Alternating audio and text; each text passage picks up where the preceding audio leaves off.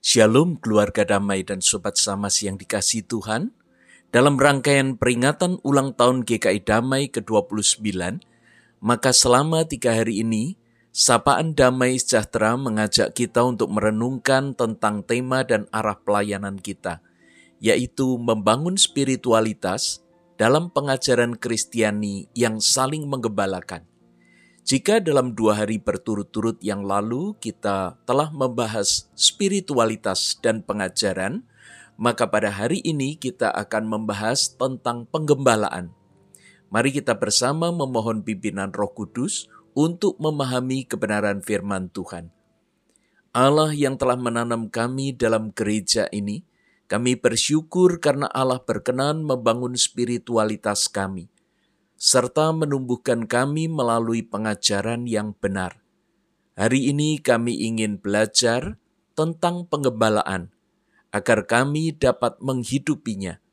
Terangi kami dengan kebenaran firman-Mu, agar kami dapat memahami pengembalaan dengan benar. Dalam nama Tuhan Yesus kami berdoa. Amin.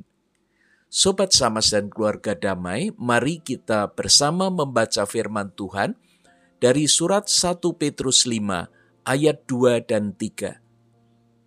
Gembalakanlah kawanan domba Allah yang ada padamu, jangan dengan paksa tetapi dengan sukarela, sesuai dengan kehendak Allah, dan jangan karena mau mencari keuntungan, tetapi dengan pengabdian diri.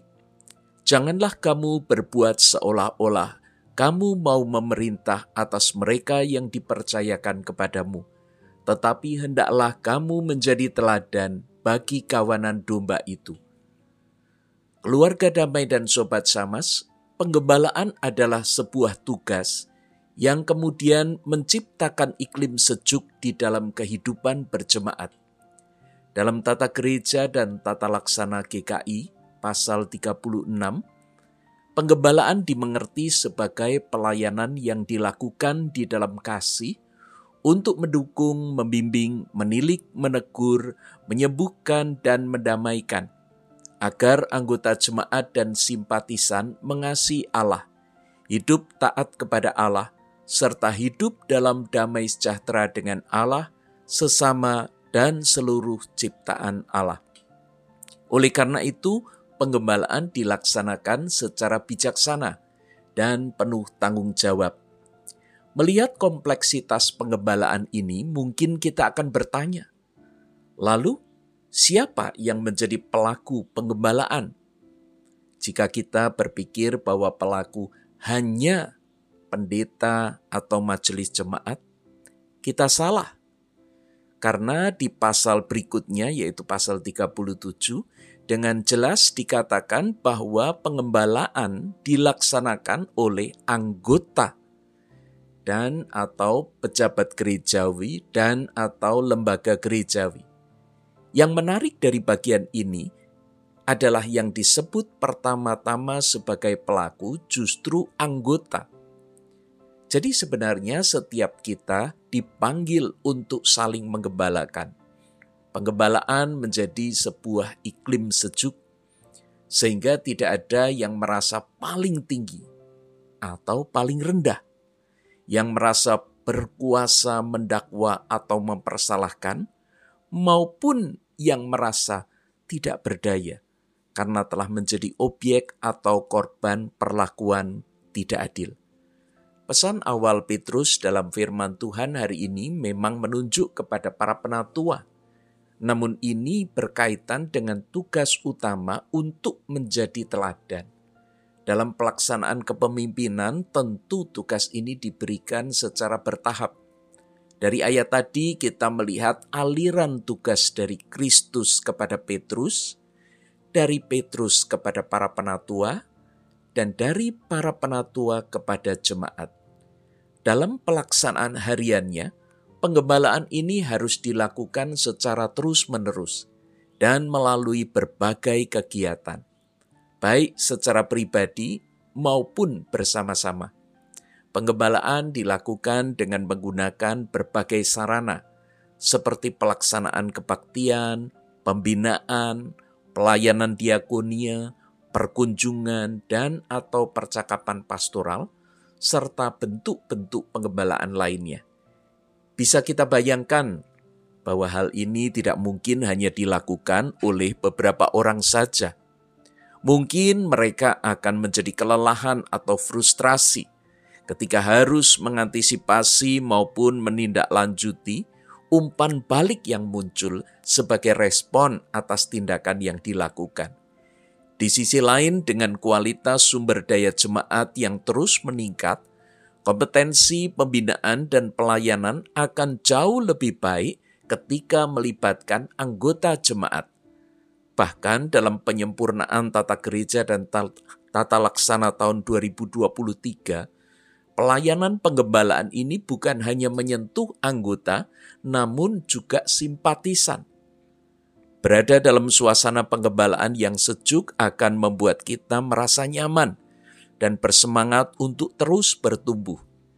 Kita merasa berarti karena bisa melayani dan menjadi berkat. Jadi dengan sukarela, bukan dengan terpaksa. Ini persis seperti yang disampaikan oleh Rasul Petrus. Kerinduan untuk mengabdi dan berbagi merupakan karya Roh Kudus yang menggerakkan gereja Kristus untuk melakukan kehendak Allah. Maka tidak ada lagi sifat sok kuasa yang sekedar mau memerintah. Sebaliknya, keinginan untuk melayani akan menjadi teladan yang menggerakkan rekan-rekan lainnya. Cara pandang kita satu sama lain juga berperan penting dalam tindakan melayani dan memperlakukan sesama tubuh Kristus. Saat kita melihat rekan sebagai kawanan domba Allah, maka kita akan memperlakukan mereka dengan baik. Tidak lagi melihatnya sekadar dari status sosial semata. Dengan demikian, kita akan semakin mengenal dan peka akan keberadaan rekan-rekan kita. Saat mereka terluka, kekurangan, mengalami ketidakadilan, jatuh dalam dosa, maka kita dipanggil untuk menolong dan menguatkan mereka. Ingatlah bahwa keberadaan kita saat ini juga merupakan buah dari pengembalaan dari mereka yang telah digerakkan Allah untuk menggembalakan kita, sehingga kita bertumbuh dalam kasih dan terpanggil untuk melayani. Dalam peringatan ulang tahun gereja kali ini, Mari kita bersama memahami panggilan penggembalaan ini sebagai anugerah yang berasal dari Allah. Dengan iklim penggembalaan yang sejuk, maka gereja akan terus bertumbuh dan menjadi berkat bagi sesama. Mari melangkah bersama dalam tekad untuk saling menggembalakan seturut dengan kehendak Tuhan. Mari kita bersama berdoa. Allah yang Maha Kasih, kami bersyukur karena Allah telah mengirimkan Yesus Kristus yang menggembalakan kami dengan penuh kasih. Sebuah teladan yang nyata dalam kehidupan kami. Bahkan mengirimkan sahabat-sahabat yang merawat dan menopang kami. Sehingga kami dapat bertumbuh dan menjadi kuat sampai saat ini. Melalui renungan hari ini kami bersyukur karena Allah berkenan juga untuk memanggil kami sebagai gembala-gembala kecil untuk ikut merawat dan melayani jemaat Tuhan dengan penuh cinta. Mampukan kami untuk melakukan panggilan penggembalaan ini dengan kerelaan dan kesungguhan hati. Dengan panduan Kristus Sang Gembala yang agung, kami siap untuk melayani. Amin. Kiranya Tuhan Yesus memberkati kita untuk menjadi gembala-gembala kecil di dalam suasana penggembalaan yang sejuk di jemaat ini. Tuhan memberkati.